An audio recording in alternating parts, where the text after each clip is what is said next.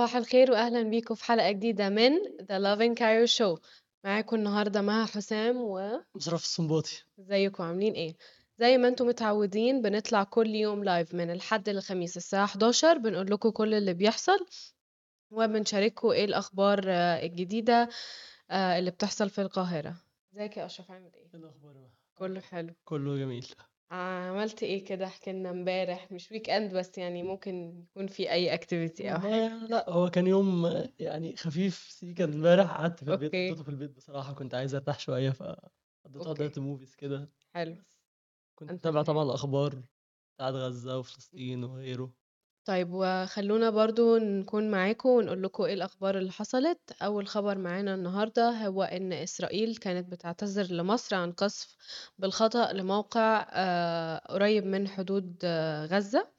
وبرضو ننتقل لل headlines بتاعت أخبار أشرف. الخبر اللي أنا هتكلم عنه النهارده هو إن أنغام آه، الفنانة أنغام المصرية جالها رسالة آه، تهديد من شخص إسرائيلي. okay. والخبر التاني إن حصلت غارات إمبارح على إسرائيل آه، آه، رب- واستشهاد 400 شخص آه، على على فلسطين I'm sorry واستشهاد 400 شخص فلسطيني. في خبر برضو كمان إن في مساعدات مصرية دخلت الحمد لله من آه، من معبر رفح. مم. كل ده هنغطيه النهارده إن شاء الله. بس ممكن نبدأ في الخبر الأول مع مها. أوكي ونرجع للخبر الأول معانا. هو إنه آه، القوات الإسرائيلية عبرت عن آه، المحتلة عن أسفها لقصف موقع مصري بالخطأ بالقرب بالقرب من حدود آه، اللي هو مصر وغزة.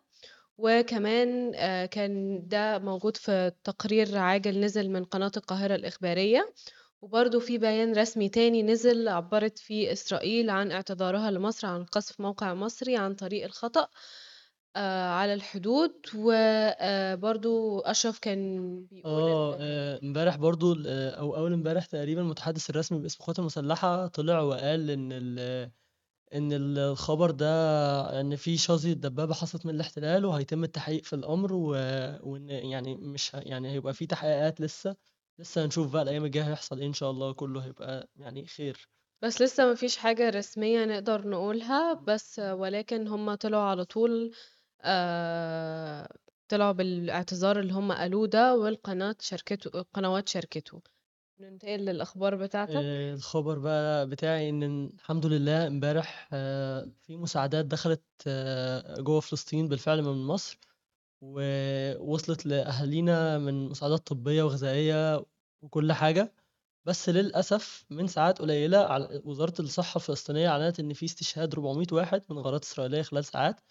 ال- الاحتلال آه، ارتكب 29 مجزرة خلال 24 ساعة وده رفع عدد الشهداء لتقريبا 4700 وشوية كل ده من آه، وزارة الصحة الفلسطينية وده أخبار مؤسفة جدا.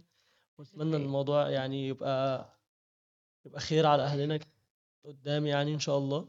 والخبر اللي بعد كده معايا هو إن أنغام الفنانة أنغام المصرية جالها رسالة تهديد صريحة من آه، حد من مع- من رقم إسرائيلي على على الواتساب آه، شديدة اللهجة يعني هي نزلتها على الصفحة بتاعتها ممكن تخشوا تشوفوها. والموضوع يعني أتمنى إن الموضوع يبقى أحسن بالنسبة لل- لل- اللي جاي إحنا مش عارفين اللي جاي ده هيبقى عبارة عن إيه. خير. أنت إيه رأيك؟